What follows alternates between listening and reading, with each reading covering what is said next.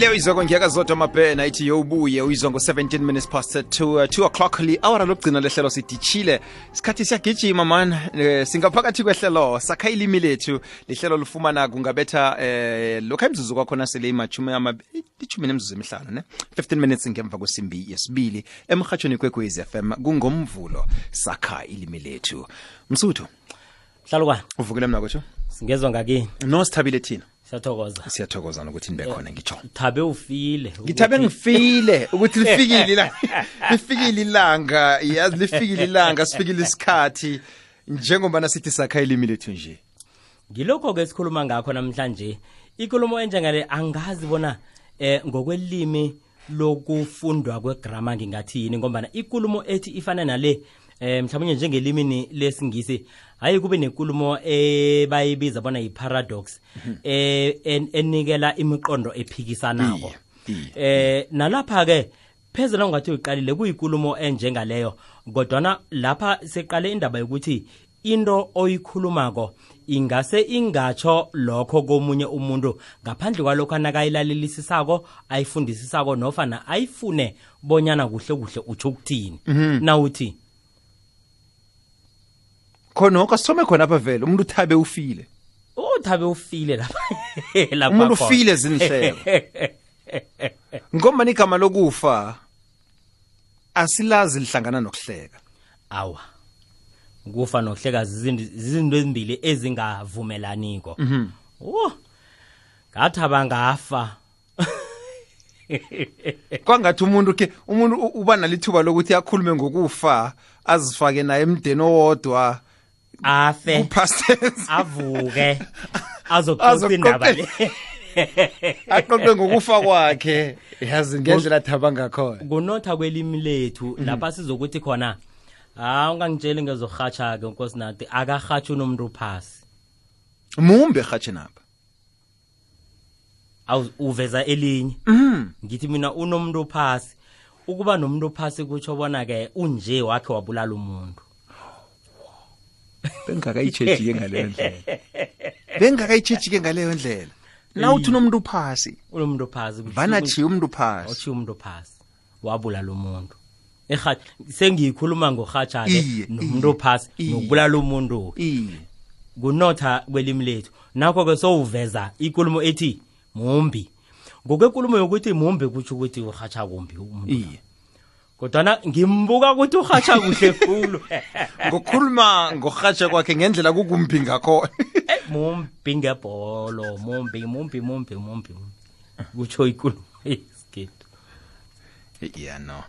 Yo kunotha kwelimi lekhethu yazi eh nakubuka ukuthi kunomuntu owaziko mina kuthi ukuthi ibizwane nasikhuluma ngesindebela akasize akasize khulukhulu-ke eh, eh, ngiyazi bakhona abalifunde ilimi ngokulazi ngokwegrama eh mhlawumunye eh njengomfundisi unsizwa mahlangu unemfundiso eziningi azipha umphakathi ngesindebele. Eh angakhe asisize bona nayinje ngesindebele itsho ukuthini ngihlangene nomntana kwenu akasimuhle. Ngithi kuye akasimuhle. Ngilindele ukuthi lizakho ibe buhlungu nangitshela bona umntwana wenu akasimuhle. kodwana ngokuzwisisa ilimi nase uthi akasimuhle. Ngendlela engiyikhuluma ngapho iyakwazi ukutsho lokhu ngombana itsho ukuthi kuzokufanele uyilalelisise ngombana likulumo ungayithola itlolwe phasi ingatsho lokhu okufundako. Itsho okhunye umuntu nasele ayikhuluma ayiphimisa ngephimbo lakhe sizokala njalo-ke eh, emhatshweni ikwekwezi fm yenza njalo angitsho kusidishile at ikwekwezi fm co za nakube kuthi unombuzo nakube kuthi eh uyazi bona ibizwane nasikulumo ngelimi lesindebele sikhulukhulu esindebeleni esifundwe eh, mhlawumunye emazikweni aphakemeko. Eh kusidishile at ikwekwezi fm co za sikhuluma nje ngalesi sikhathi kunomuntu wengubo namkha umntwana okatwako lokhu nakuthathwa kubekwe embalobalweni kulinganiswa nesigidi esileke ngenkulungwane ezimakhulu amabili zabantu abakatwako qobe ngomnyaka. Nakube bona kunomuntu ah, ngithi umuntu wengubo namkha unomntwana womntazinyana nizihlalele phasi nabakhozi abathathu kuthiwa munye wenu angahlakadwe ngokubuyelelweko esikhathini sepilo yenu. Kodwa-ke nakube kuthi umntwana lo ngaphasi kweminyaka elithumi nab- nebunane kuthiwa amathuba walokhu andakhulu nange uyindoda namkha unomsanyana mhlawumnye nizihlalele phasi kunye nabakhozi babantu bembaji abathathu. Ababili benu kuthiwa bangazifumana batlhorisa umuntu wengubo namkha umntwana. Nokho-ke munye wenu angahle naye afumane ukutlhoriswa ngokomseme kwesinye isikhathi sepilo yenu. Akuthi kunjalo nje kungabi yinto esiyivumela bona iphile hlangana nathi le. Asiyikhalime nganindlela zonke thindana nonathi kutwitter. At sombali. At sombali at ikwekwezi underscore fm eh kulasi usifumana khona njengoba singaphakathi kwehlelo sakha ilimi lethu emhathweni ikwekwezi fm kukhanya ba. Nakuthi uveze eh, uveze ngaphambi kokuthi si- sijike ngapha um, ukhulumise igama elithi um, akasimuhle. Akasimuhle. Kuya ngokuthi umuntu uphimisela njani? Kuya ngokuthi umuntu nakaphimisela konje um uthini? namtshana umzwa uthini? Khona uza kuzwisisa bona ikulumo yakhe kunjalo. Kungakho-ke na ungathi utshejile enkulumeni yenkulumo yesindebele um ukulihlukanisa ku akasimuhle no akasimuhle kwenze abaningi balifake i uni ongowe-afrikans hmm. neyenza akasimuhle ni. Ah. Kimi ongowe-afrikans ngaphandle kwalokho na singathola ihlathululo ethi awa akusuye we-afrikaans ungewelimi lesikhethu ngale ndlela mhlawumbe bathole ihlathululo. Ngomana ngikufunile lokhu angikutholi bonyana unilo uhlala njani nakazokuhlala elimini lesindebele. Nokuthi nase ngilihlola-ke ngithi akasimuhle ni ngizokuthi akasimuhle ni ngo-ni nofana ngizomfaka u-iwe africans loya ngendlela engilikhuluma ngakho. Mhlawumunye kumlaleli angasidosela asitshele asihladlule ngokwazi kwakhe bona nasitsho njalo ungizwe ngithi asihladlule angithi asihlathulule asihladlule bonyana na, na siyikhuluma njalo nangithi akasimuhle ni. Ngitsho uni engimfake u-ni abonakale angowesintu nofana ngizomenza u-nie ozomenza bona abe ngewe-africans bese sithi uvelaphi nase sifuna i- nibizani etymology? Yazi se- se- sengiyiveza budlula nje. Isibuyisela kunase ikulumo ekhe sabanayo yanasi ikapi namtshana ikepisana e- e- esetshenziswa kamanye amalimi. Ukuthi mhlawumunye nase kunje angeze yasiza. Kuzakhumbula ke hlelo naphasi akhe sayikhuluma. Nasinabantu mina vane ngithi abantu abakhuluma ilimi lesizulu lapha ebakhona bathi nabafunda ilimi lesindebele lino nt nalitsho indaba bathi lesi sizulu. Ngombana kutsho ukuthi akaphili isindebele silapha khona. Ukhuluma isizulu esi angasakwazi ukuhlukanisa bona lapha seyisindebele. Kunyana sizakwenza isibonelo-ke sinawe sithi asithi intandani intaba intundu wayifaka bo d uyokuthini? Ayiyokhuluma lento oyikhulumako.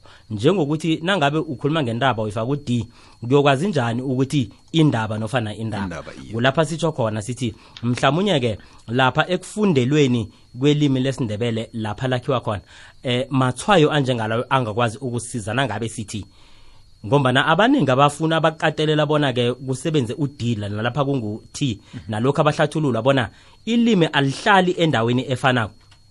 Bangakwazi-ke ukuthi mhlawumnye-ke eh basizeke ngaleyo ndlela. Lakheke umuntu azi bona udilo nasele anethwayo elinje sewumbiza ngaleya ndlela. Kodwana nakungakabi ukwenzeka mina ngingakhuthaza bona nalapha enkundleni zokuthintana asikukhuthazeni ukusetshenziswa kwelimi ngendlela elinzinziswe ngakho. Kunokuthi ngithi mina ekhaya ngikhuluma so mina ngicabanga ukuthi ngombana lokho akulithuthukisi kulenze ilimi elifundwako nelihlolwako sisakhulumisa amagama eh, namtshana ikulumo ofumana ukuthi pheze ikhambi iyaziphikisa nje angazi ngiyibeke ngithini.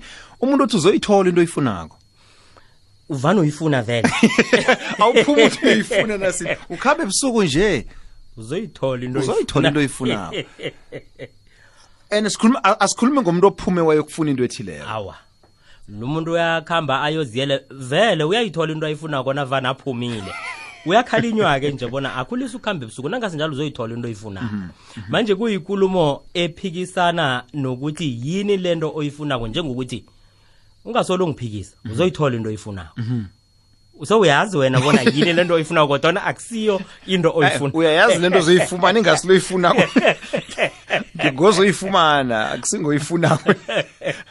So yinto yakhona nayo le uzoyithola ikulume khona uzoyithola into oyifunako. Uzoyithola into oyifuna mhlawumbe akhona namanye ku-089 1207667 ngemzuzu emibili eseleko le asithatha abalaleli 089 1207667 usemweni kwekwezi sakhile imlethu lotsha mhlalakwana nomsuthu. Sithokoze. Eh ngimagubele thokoza kwandebele. Sikuthokoze Nguni. magubelo ebandla elisentatshani. Aha nathakho eh na vele gameni labo lithi akasimuhle ni i. Yazi akasimuhle. Ngathi uyathulanyana bese ufaka uniklo ngabe kuzokuba ne-dash between unilo naleli gama elingekuthomeni na? Ibeli gameni yakanathi ikepisana ngesindebele inonkepisana ngizibona isipelini ekunesitwaneni nesivenda napha zange khe ngibone ikepisana esindebeleni nesizulwini njengoba nathi nasafunda isizulu ngaphambilini iye ebu- ebungonini apha zikho isivenda nespedi Iye. eh, zikhona.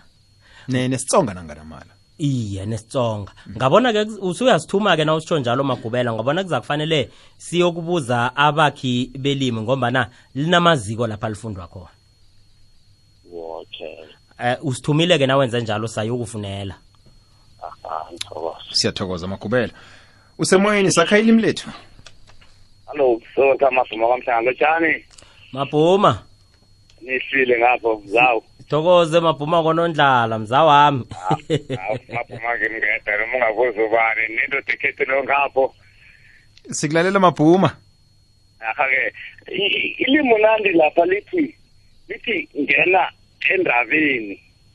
Libuye vele lithi ungene endabeni li isindebele lisithatha ngakuphi? Lilenethi ngena endabeni.